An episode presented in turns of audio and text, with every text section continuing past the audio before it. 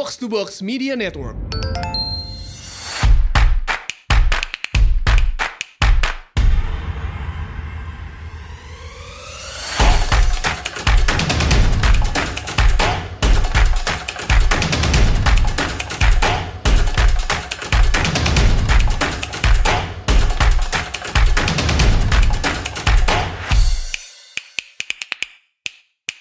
Selamat datang di Asumsi Bersuara. Sebelum kita mulai, lagi-lagi gue mau flashback dikit nih. Jadi mungkin sebagian dari uh, pendengar Asumsi Bersuara ada yang udah pernah dengerin podcast pribadi gue zaman dulu. Um, dulu tuh banyak banget yang nanya dulu gue bikin podcast tuh gimana sih caranya? Gitu. Dulu kan belum rame orang uh, bikin-bikin podcast gitu. Nah dulu tuh ribet banget. Dulu tuh kalau mau bikin podcast itu harus um, upload di ada salah satu ada beberapa lah company yang host podcast gitu.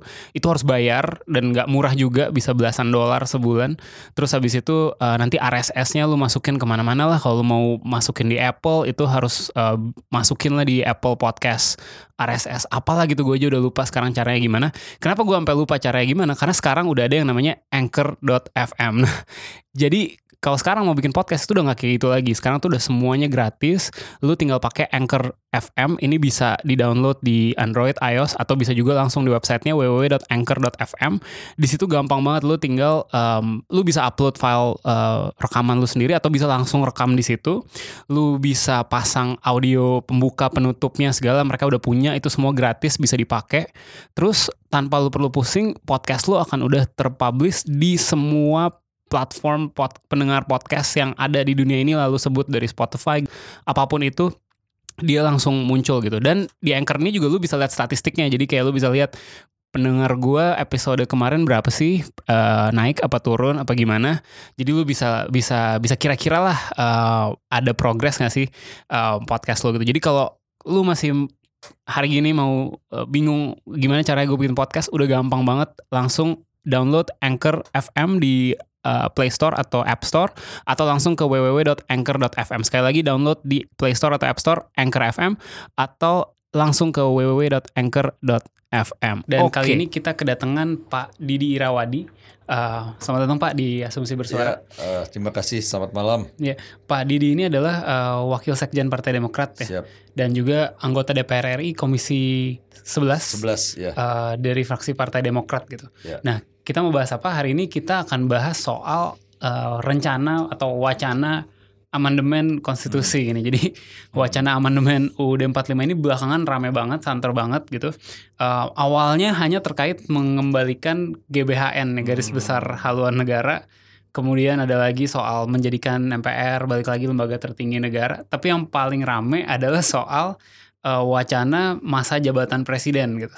Katanya mau ada yang mengajurkan untuk diperpanjang jadi tiga kali ada yang bilang mungkin uh, satu kali aja tapi tujuh tahun. Ada yang bilang nggak usah dibatasi segala macam. Ini kan rame kan karena orang-orang juga uh, banyak yang melontarkan nggak setuju gitu loh pak. Dan juga ada lagi soal kepala daerah katanya dikembalikan aja ke DPRD pemilihannya. Nah kenapa saya undang uh, Pak Didi ini? Karena Partai Demokrat itu yang sepertinya dari awal banget paling tegas menolak gitu kan. Hmm. dari awal banget uh, udah anti banget dengan wacana-wacana uh, ini. Nah, mungkin hmm. Pak Didi boleh jelasin ini semua apakah uh, memang Partai Demokrat tuh nggak setuju dengan apa pun amandemen yang mau dilakukan atau simply uh, hanya yang bagian-bagian tertentu saja atau sebenarnya terbuka untuk yang lain gitu. Baik, terima kasih. Jadi begini, kita ini kan sudah 20 tahun lebih era reformasi. Jadi reformasi 1998 ya yang begitu mahal harganya. Kenapa terjadi uh, reformasi? Karena ketidakpuasan rakyat akan implementasi dari demokrasi, lalu persoalan kesejahteraan, persoalan ketidakpuasan rakyat, terjadilah reformasi dan sekarang masuk eh, uh, 20 tahun lebih ya. Nah ini ini kok saya bingung ya. tiba tiba-tiba muncul wacana tentang GBHN, dan gilanya lagi belakangan yang lebih gila ada usulan, ada keinginan bahwa presiden bisa dipilih tiga kali. Hmm. Wah ini uh, sangat mengejutkan. Entah siapa yang melemparkan wacana ini.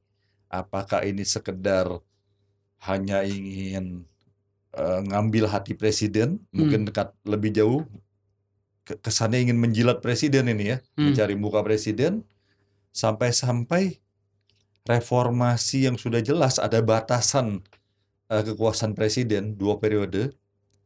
Lalu tiba-tiba ada pihak yang eh, menginginkan lebih dari itu, tiga periode. Jangan-jangan ada yang pengen seumur hidup juga nih lama-lama ini.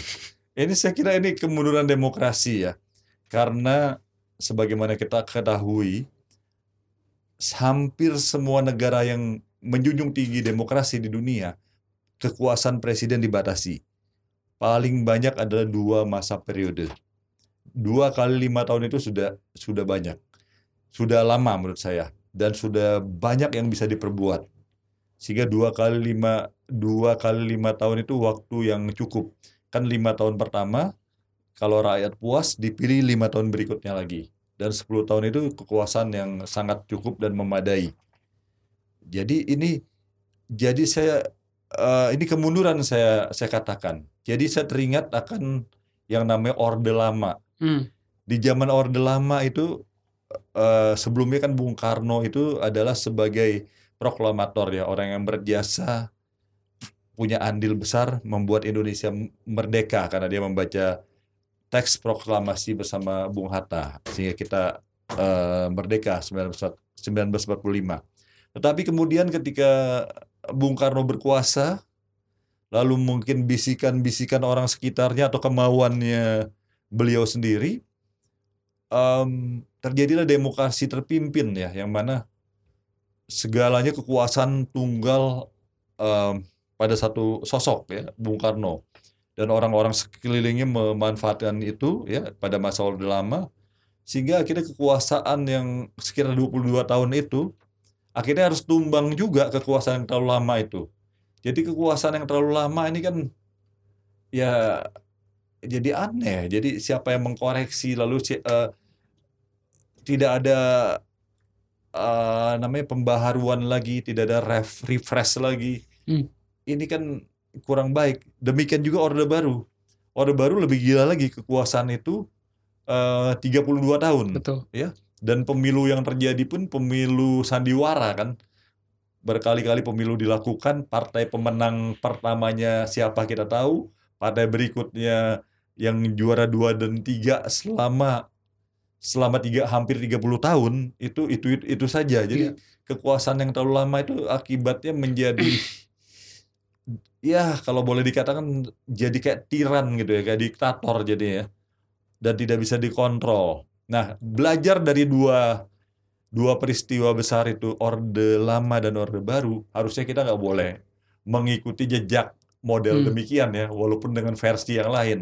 Iya. Jadi ini kalau wacana bahwa presiden bisa lebih dari dua periode, jelas Partai Demokrat belajar dari sejarah yang ada, baik sejarah di Indonesia, baik Orde Lama dan Orde Baru, juga sejarah di berbagai belahan dunia yang ada, kita menolak Oke. nyaris tidak pernah terjadi eh, di negara demokrasi yang maju presiden dipilih lebih lebih dari dua kali tidak pernah terjadi.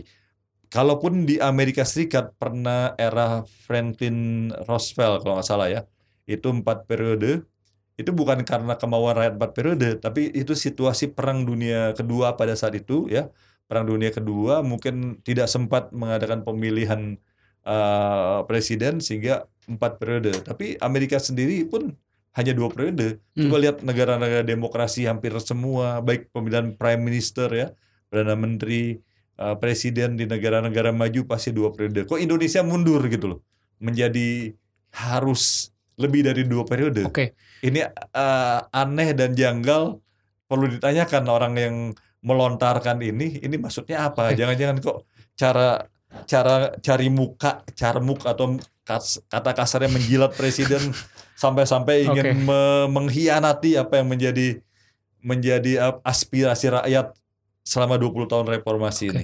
Yang Partai Demokrat tegas menolak hanya terkait em, apa eh, masa jabatan presiden ini atau wacana amandemen konstitusi ini jangan dulu Iya, deh ngapain kan, gitu. eh, intinya kan ke sana itu kekuasaan yang baik pemilihan presiden yang kita tentang maupun pemilihan secara tidak langsung juga ada wacana pemilihan presiden dan kepala-kepala daerah itu di- Iya. dikembalikan dipilih oleh kalau DPR. presiden oleh DPR RI eh oleh MPR Oh ini wacana lain Ah, lagi ya. eh, lalu kepala daerah oleh DPRD. Lah ini kan sama sama saja hak rakyat yang diberikan oleh eh, sebagai buah reformasi negeri ini eh, 20 tahun yang lalu ini mau di- diambil dirampas lagi. Hmm. Ini kan cara-cara yang tidak tidak baik gitu. Rakyat selama ini udah memilih langsung begitu ya dengan segala plus minusnya. Tapi inilah yang terbaik. Rakyat memilih langsung eh, apa namanya pimpinannya, Ya. baik presidennya, gubernurnya, bupatinya, wali kotanya. Ini cara yang baik. Kalaupun ada kekurangan-kekurangan, perbaiki sistemnya, Hmm. perbaiki manusianya, perbaiki SDM-nya. Bukan dirombak lagi sistemnya dikembalikan ala ala zaman Orde Baru dulu. Iya. Pak kan ini MPR yang baru kan sebenarnya baru berjalan dua bulanan lah ya. Mm. Dua bulanan MPR yang baru dan tiba-tiba bergulir banyak wacana soal amandemen Hmm. ini. Padahal ini terakhir kita menyentuh eh, amandemen konstitusi itu kan awal tahun 2000-an kan 2001 atau 2002 gitu. Em, kalau Pak Didi ngeliatnya sebenarnya ada urgensi apa sih nih? Eh, eh, beberapa orang-orang di M- MPR ini mungkin eh, kenapa harus kenapa sekarang gitu? Dan kenapa cepet-cepet aja gitu? Jadi ini aneh, saya curiga ya. Saya nggak mengatakan kalau Presiden Jokowi mungkin eh, beliau ya menampung saja ya. Mungkin beliau nggak begitu tahu juga ya. Tapi ada orang-orang sekitar yang merasa puas dan kekuasaan, ingin kekuasaannya lebih panjang lagi. Hmm. Lalu dengan cara-cara, kalau memang benar ini ya, sinyalemen atau dugaan ini, dengan cara-cara menyiasati uh, konstitusi yang ada. Ini kan bahaya gitu loh. Jadi tujuannya pasti kekuasaan. Oke. Sehingga artinya di sini kalau GBHN itu arahnya lalu salah satu poin di situ ingin pemilihan presiden melalui dikembalikan tidak langsung oleh rakyat presiden sebagai mandataris MPR lalu dipilih MPR berarti kan ini kan siapa yang jadi penguasa saat ini yang diuntungkan Hmm. ataupun koalisinya partai-partai yang ada dalam koalisi eh, kekuasaan ini. Tetapi sekali lagi ini kan berhadapan dengan rakyat. Iya. Berarti mengebiri dan mengambil hak rakyat yang sudah dinikmati sejak pemilu secara langsung tahun 2004 ya. Iya. Pemilu langsung itu kan era SBY ya, terpilihlah eh, produk presiden yang dipilih langsung oleh rakyat itu adalah SBY. SBY pertama kali. Presiden sebelumnya kan itu kan karena situasi politik ya misalnya eh, era Bung Karno, era Soeharto tidak langsung semua kan? Iya. Ya, tentu masing-masing punya jasanya sesuai de- dengan zamannya, tetapi sejarah sudah membuktikan kekuasaan yang terlalu lama, orde lama 22 tahun harus tumbang berhadapan dengan rakyat. Orde baru 32 tahun juga tumbang berhadapan dengan rakyat. Apakah kita ingin mengulangi sejarah yang sama? Tentu sangat sangat tidak elok dan sangat jauh dari prinsip-prinsip negara demokrasi. kan sebenarnya untungnya nih mungkin ya Pak Hmm. Jokowi udah mengklarifikasi lah dia udah bilang bahwa dia nggak mendukung lah eh, amandemen-amandemen undang-undang dasar seperti Hmm. ini apalagi yang kaitannya sama masa jabatan presiden dia sendiri gitu menurut dia ini orang tiga kalau bukan dia mau menampar mukanya dia mau cari muka atau ingin menjerumuskan Pak Jokowi gitu katanya kan kalau menurut bapak nih menurut bapak apakah benar dari awal Pak Jokowi nggak tertarik atau kan ada juga yang bilang ini mungkin sebenarnya cek ombak aja nih pengen lihat apa eh, reaksi masyarakat tuh mendukung apa enggak kalau enggak ya udah kita bilang menolak gitu. Saya nggak tahu ya, hanya hanya Pak Jokowi dan Tuhan yang tahu mungkin ya. Tetapi setiap pemimpin harus jujur tentunya. Hmm, Tetapi menurut saya begini ya, Pak Jokowi itu saat ini, saya pikir nggak urusan konstitusi janganlah terpengaruh untuk ada usulan-usulan, ada keinginan merombak itu jangan. Banyak persoalan bangsa yang yang lebih penting pada saat ini yang harus diperbaiki. hmm, Sekarang persoalan kesejahteraan ya. Baga- Bagaimanapun juga pertumbuhan ekonomi Indonesia ini melambat ya. Sedangkan ancaman ekonomi eh, situasi negatif krisis ekonomi global ini mengancam Indonesia juga ya. Walaupun kita sementara secara fondas fondasi ekonomi kita cukup baik, cadangan devisa cukup, tapi kalau pengelolaan selanjutnya tidak pas dan tidak akurat ini kan berbahaya. Apalagi sekarang kita ini di era eh, kita lebih unggul dari banyak negara lain, Hmm. bahkan negara maju, karena generasi milenial, generasi produktif ini menjadi bonus demografi bangsa ini yang jumlahnya sangat besar. Kalau ini bisa dioptimalkan dalam 10 tahun ke depan sampai tahun 30 di mana tenaga kerja produktif ini kita sedang eh, berada dalam piramida pendudukan ini berada di posisi yang yang terbesar usia produktif. Jadi eh, istilahnya bonus demografi. Iya. Tetapi kalau ini tidak bisa di dioptimalkan, dimanfaatkan dengan baik, setelah tahun 2030 ini perlahan-lahan bisa Iya, iya. berbalik menjadi bencana bagi Indonesia. Nah, ini lebih baik presiden bersama para kabinetnya dan jajaran pemerintahnya memikirkan nasib eh, bu- apa yang menjadi bonus demografi ini dioptimalkan sehingga menjadi keuntungan, menjadi keunggulan bangsa ini. Hmm. Jikalau kita dibanding bangsa Jepang, Perancis, Singapura, Amerika yang lebih maju, kita justru lebih banyak generasi-generasi yang Mudanya. generasi muda Hmm. yang siap siap di dioptimalkan, di siap bekerja, siap dimaksimalkan, tetapi mereka harus punya kesempatan, punya peluang untuk bisa bekerja, bisa mengekspresikan eh, bakat dan kemampuannya, mengekspresikan segala eh, potensinya. Ini yang harus dipikirkan. Ya. Jadi jangan ngurusin amandemen-amandemen. Amandemen-amandemen janganlah. Ini udah sistem ini udah bagus tinggal diperbaiki. Yang kurang-kurang itu ditambal sulam diperbaiki, bukan merombak negara ini eh, merombak habis-habisan, Hmm. kembali ke zaman kegelapan gitu loh. Zaman Orde Baru saya bilang zaman kegelapan karena zaman itu ya kalau nggak kalau bagus kan nggak mungkin tumbang Orde Baru ya. Iya. Di mana kekuasaan ekonomi hanya dikuasai segelintir orang ya yang hanya 200 konglomerat dan kroninya pada saat itu Iya. karena sistem yang salah ya. Jadi saya kira Pak Jokowi lebih baik eh, sekarang ini ya memikirkan bagaimana eh, pertumbuhan ekonomi yang lebih baik ya. Karena Indonesia kan punya cita-cita menjadi negara maju ke depan ya. Sekarang ini kan posisi kan negara eh, Iya. menengah lah ya. Oke. Tapi yang beresiko bisa Oke. bisa turun kelas juga kalau Ya. salah pengelolaan. Pak, Bapak kan ya tentu selain jadi anggota DPR juga anggota M- MPR dong ya. Iya iya iya. Nah, m- mungkin gak sih sebenarnya ini MPR nih lagi cari kerjaan aja biar ada kegiatan gitu. Karena kan kita juga sebenarnya saya juga bingung sih sebenarnya MPR tuh Gini ngapain ya. aja sih ker- kerjaannya kalau MPR itu banyak yang bisa dikerjakan Iya. ya. Tidak perlu kerjaan-kerjaan yang yang Berbahaya ber- ya? berbahaya bagi Ah. demokrasi. Iya. Saat ini justru kalau saya sebagai anggota MPR Iya. lebih baik saya keliling ke daerah menjaga persatuan dan kesatuan bangsa ini ya. Mengembalikan kehormatan Pancasila sebagai mana pernah kita lihat Pancasila itu yang sangat sakral pernah disalahgunakan oleh oknum-oknum tertentu. Ketika orang berbeda pendapat dengan penguasa, lalu dibilang tidak Pancasilais, Hmm, dibilang anti Pancasila.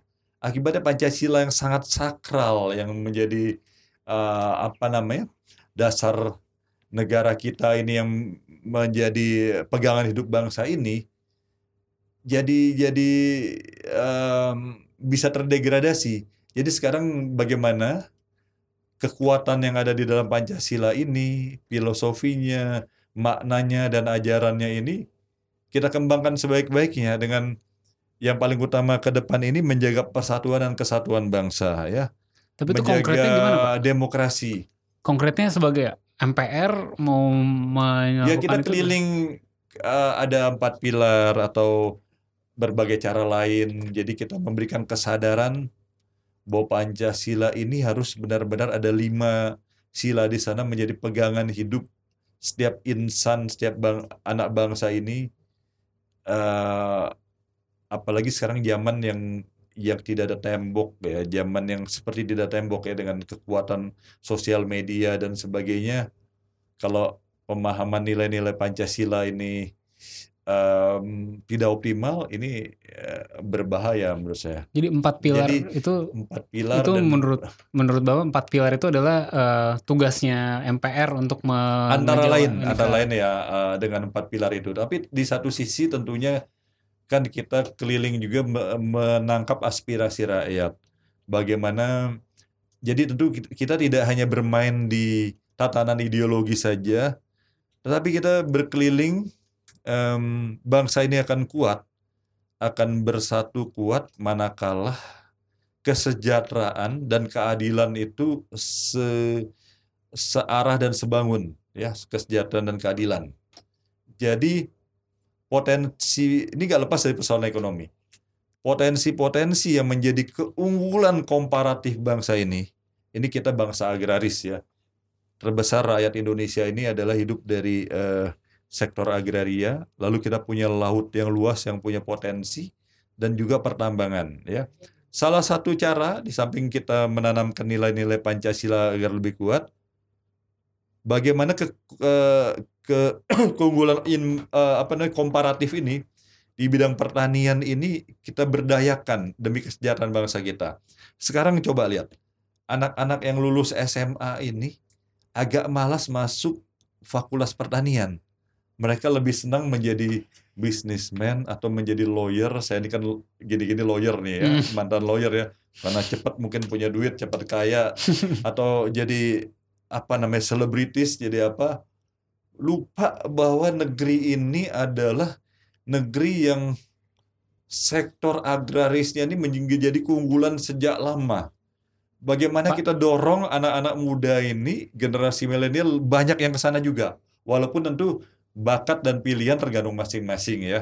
Tapi ini keunggulan komparatif kita itu ada di pertanian, di laut dan juga pertambangan ini. Selama ini kan kita hanya hanya bisa menjual tapi nggak bisa eh, bahkan eh, kalau pertanian malah mengkhawatirkan lahan-lahan pertanian makin sedikit, alih-alih pertanian makin sedikit padahal kalau ini dimaksimalkan menjadi keunggulan bangsa ini. Kalau bangsa Jepang unggul di teknologi eh, otomotif atau teknologi eh, terkait teknologi lah ya atau Korea penemuan-penemuan paten di Indonesia harusnya sektor agraris ini kelautan dan tambang itu harus melahirkan anak-anak bangsa yang, yang cerdas di sana. Pak, bukankah tapi itu ranahnya pemerintah ya, ranahnya uh, eksekutif branch gitu. Maksudnya Benar. kalau MPR kan uh, ya sebenarnya saya juga Ya, begini. begini. Sepakat ideologi itu eh, tentu harus kita penguatan empat pilar ya di situ ya. Ada menyangkut Pancasila, Undang-Undang Dasar 45, Negara Kesatuan Republik Indonesia dan Bhinneka Tunggal Ika. Tapi bersamaan juga kan kita nggak bisa di dalam tatanan-tatanan nilai-nilai Hmm. itu, tetapi menjadikan bangsa ini juga menjadi lebih sejahtera, lebih patuh hukum.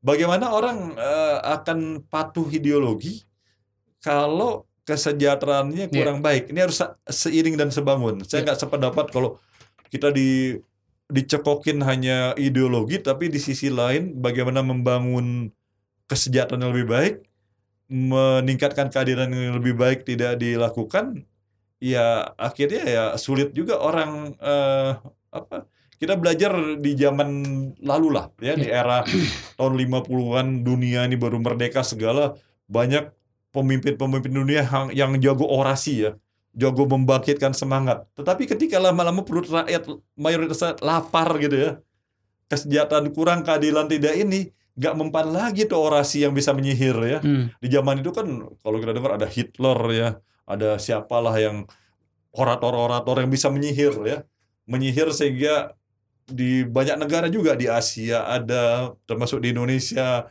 di Afrika, sihirnya itu bisa mengakibatkan sementara laparnya hilang gitu ya.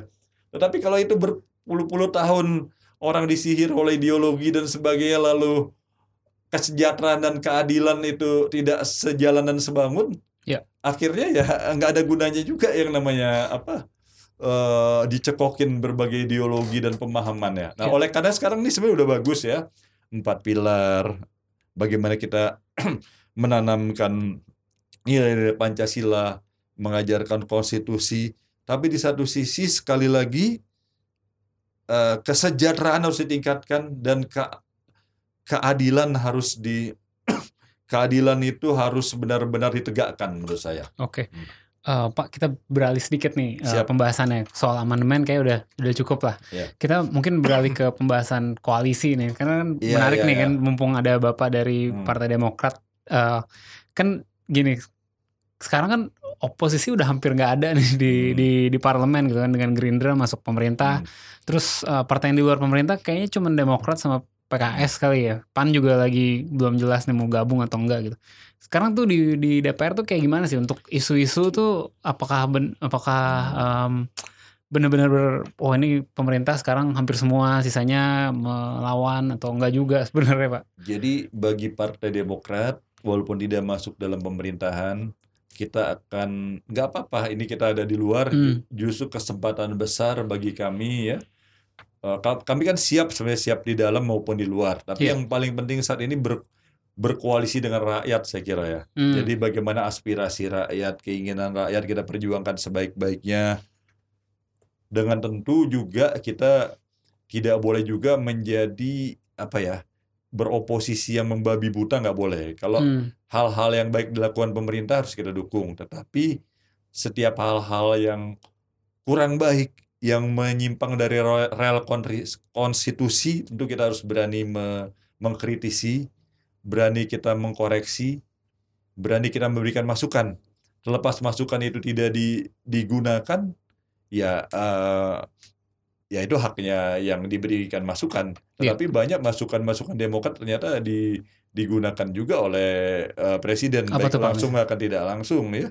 Misalnya awal pemerintahan itu ada terjadi upaya pelemahan KPK ya di Hmm. 2015 kita kasih masukan ke presiden bahwa ya keliru kalau KPK itu dilemahkan. Akhirnya itu eh, di apa namanya terlepas langsung nggak langsung eh, sejalan akhirnya dengan Yang ide-ide kemarin ini kita. RKUHP ini eh eh sorry Termasuk RUU juga, KPK ah, ini termasuk juga yang kemarin em, juga tiga periode kan Demokrat berbicara keras ya. iya Kemudian presiden dengan eh, mengatakan wah itu orang eh, carbuk cari muka ya.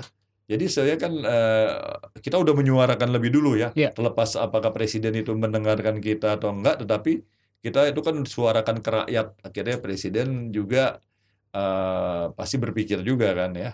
Dan tidak berani juga menyetujui pemilihan presiden apa namanya lebih dari dua periode ya. Pak tapi nggak mau sekalian full on oposisi aja Pak karena sebagai buka- maksud saya gini soalnya kan Ya, kalau ya, di ya. tengah-tengah gitu kan mungkin rakyat eh, calon pemilih di 2024 nanti mungkin bingung juga ini Demokrat ini kemarin lawannya begini. ini atau enggak sih Ya, gitu. Tentu ide-ide yang bagus gak boleh dong kita Iya. kita ini ya. Tetapi kami kalau anda lihat kan sangat kritis Iya. ya.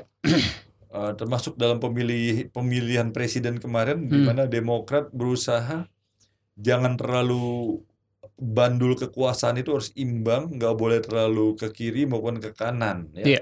Nggak boleh kemarin eh, pihak-pihak yang ingin menggunakan cara-cara yang radikal misalnya, cara-cara kanan kita nggak mau atau pihak-pihak yang menggunakan jargon-jargon atau apa namanya eh, meng- seolah-olah orang yang menentang kekuasaan itu anti Pancasila kita Hmm. nggak mau juga kita menempatkan diri yang proporsional Iya. ya memang kadangkala sikap yang agak tengah-tengah ini nggak populer Hmm, tetapi nah. untuk jangka panjang ini justru sikap yang benar itu kan pilihan Hmm, jadi pilihan dalam arti kita kritisi dengan memberikan solusi. Kadang-kadang kritik yang agak keras terhadap kebijakan yang keliru dari pemerintah. Misalnya BPJS nih. ya oke. Kita menentang nih BPJS itu dinaikkan. Karena eh, prinsipnya kan Undang-Undang Dasar 45 itu persoalan kesejahteraan lalu apa namanya eh, menyangkut hak hidup ya hak termasuk hak kesehatan di sini harusnya negara menjamin apalagi masyarakat yang yang tidak mampu ya sehingga kenaikan kemarin itu jelas eh, memberatkan ya.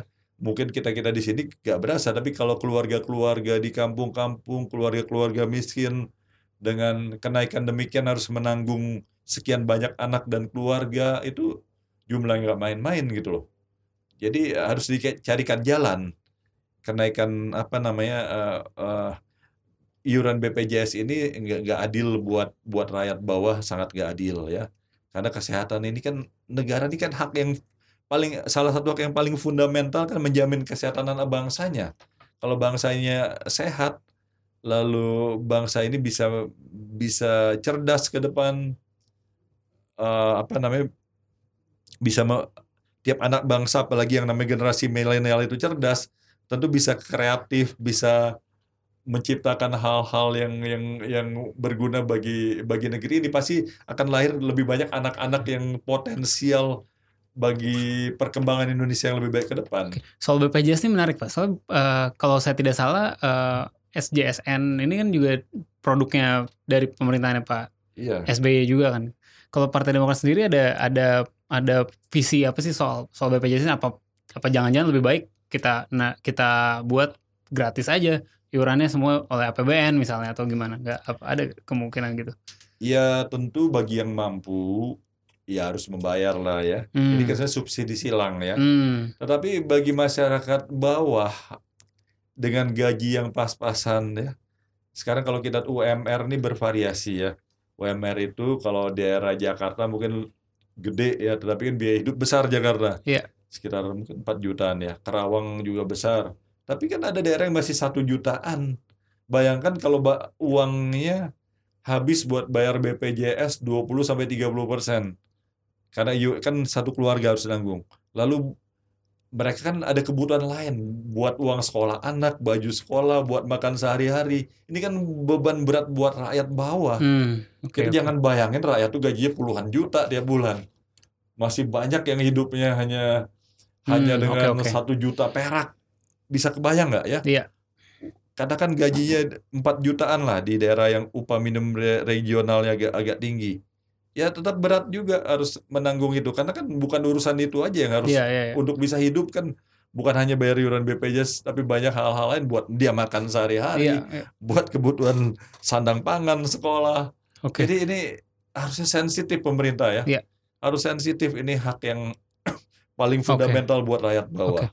Pak, kalau Partai Demokrat sendiri untuk menjelang ini mungkin terlalu dini sih saya nanya, Ya, tapi ya. untuk menjelang 2024 tuh ada strategi apa gitu Pak? Soalnya kan apalagi 2024 udah nggak ada petahana lagi. Harusnya nih ya kalau misalnya semua aman nih, Ya, ya, nggak ada ya. petahana lagi.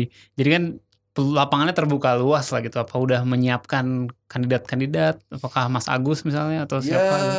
salah satu kader muda kita ya Mas AHY ya, Hmm. Agus Yudhoyono. Tapi Partai Demokrat partai yang demokratis saya kira membuka peluang siapa pun yang memang eh, mumpuni, yang mampu punya ide-ide brilian ke depan tetap membuka membuka pintu.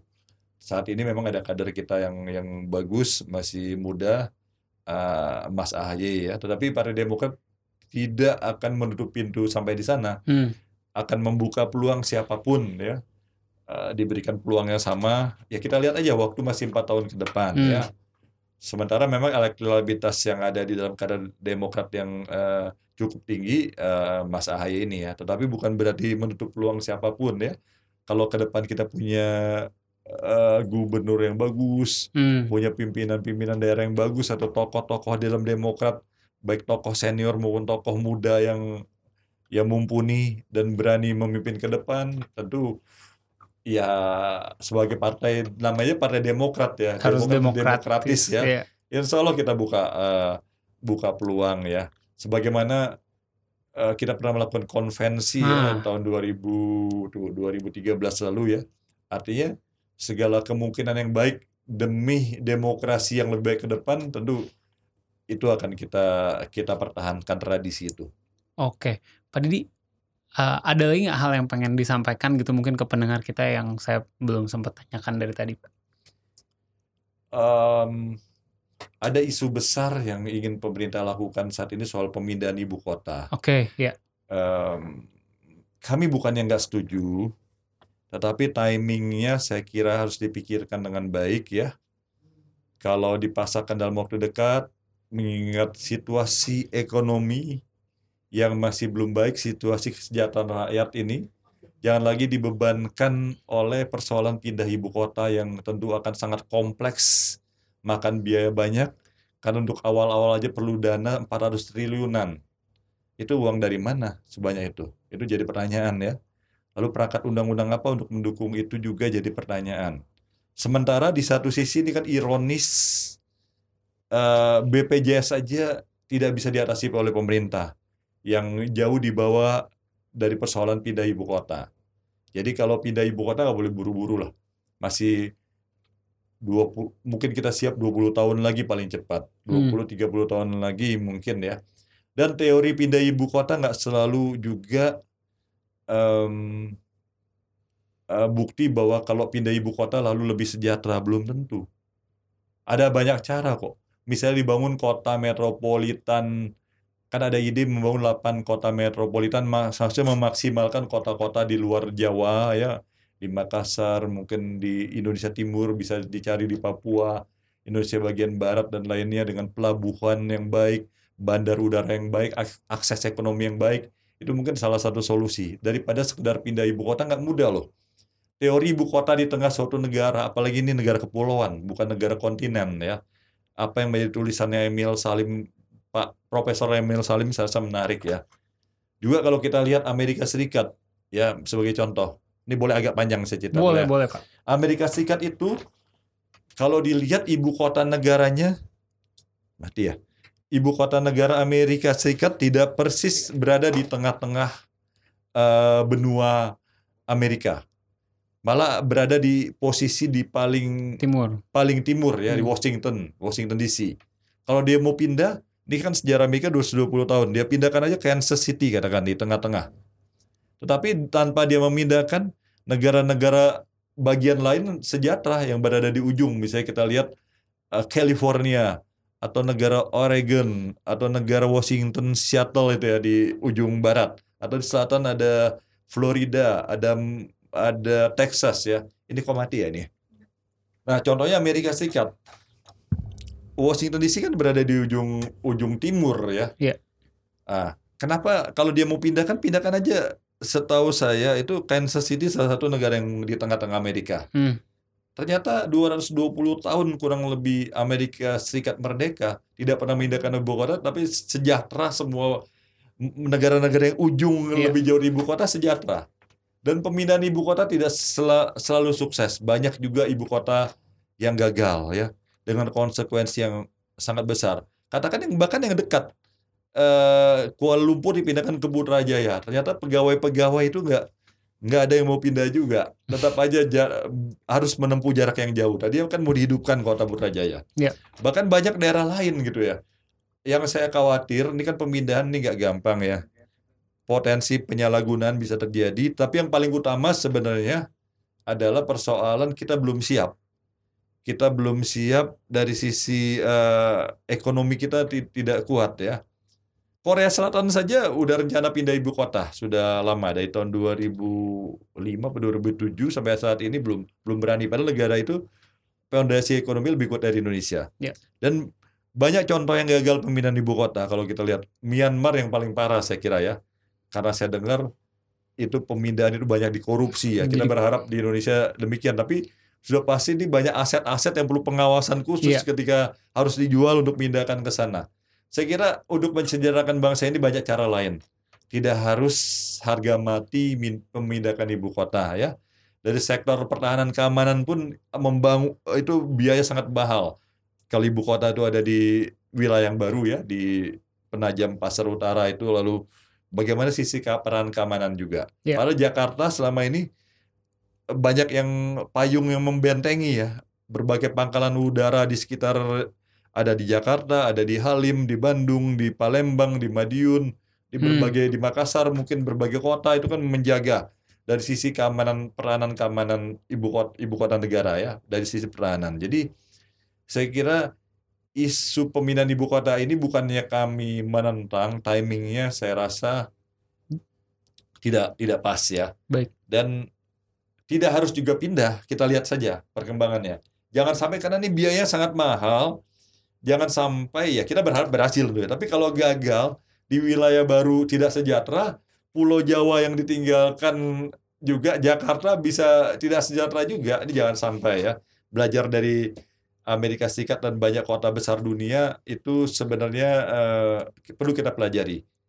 Ya, jadi eh, tidak boleh gegabah, pelan-pelan tapi eh, matang lah ya. Tapi tidak tidak wajib juga pindah ibu kota. Cari solusi yang terbaik. Intinya bahwa Indonesia yang sangat luas ini eh, bagaimana pemerataan pembangunan itu dioptimalkan dengan berbagai strategi, dengan berbagai formula, rumusan sehingga berbagai wilayah Indonesia yang sangat luas dan lautnya luas ini bisa sejahtera. Itu yang harus dipikirkan saat ini. Ketimbang memaksakan sesuatu yang uh, belum tentu pas dan belum tentu bisa melahirkan kesejahteraan dan keadilan bagi bangsa ini. Oke, Pak Didi Rawadi, terima kasih banyak atas waktunya di uh, Asumsi Bersuara ini. Jangan lupa follow uh, Asumsiko, follow Box to Box ID. Sampai jumpa lagi di uh, Asumsi Bersuara episode mendatang hari Selasa depan. Ciao.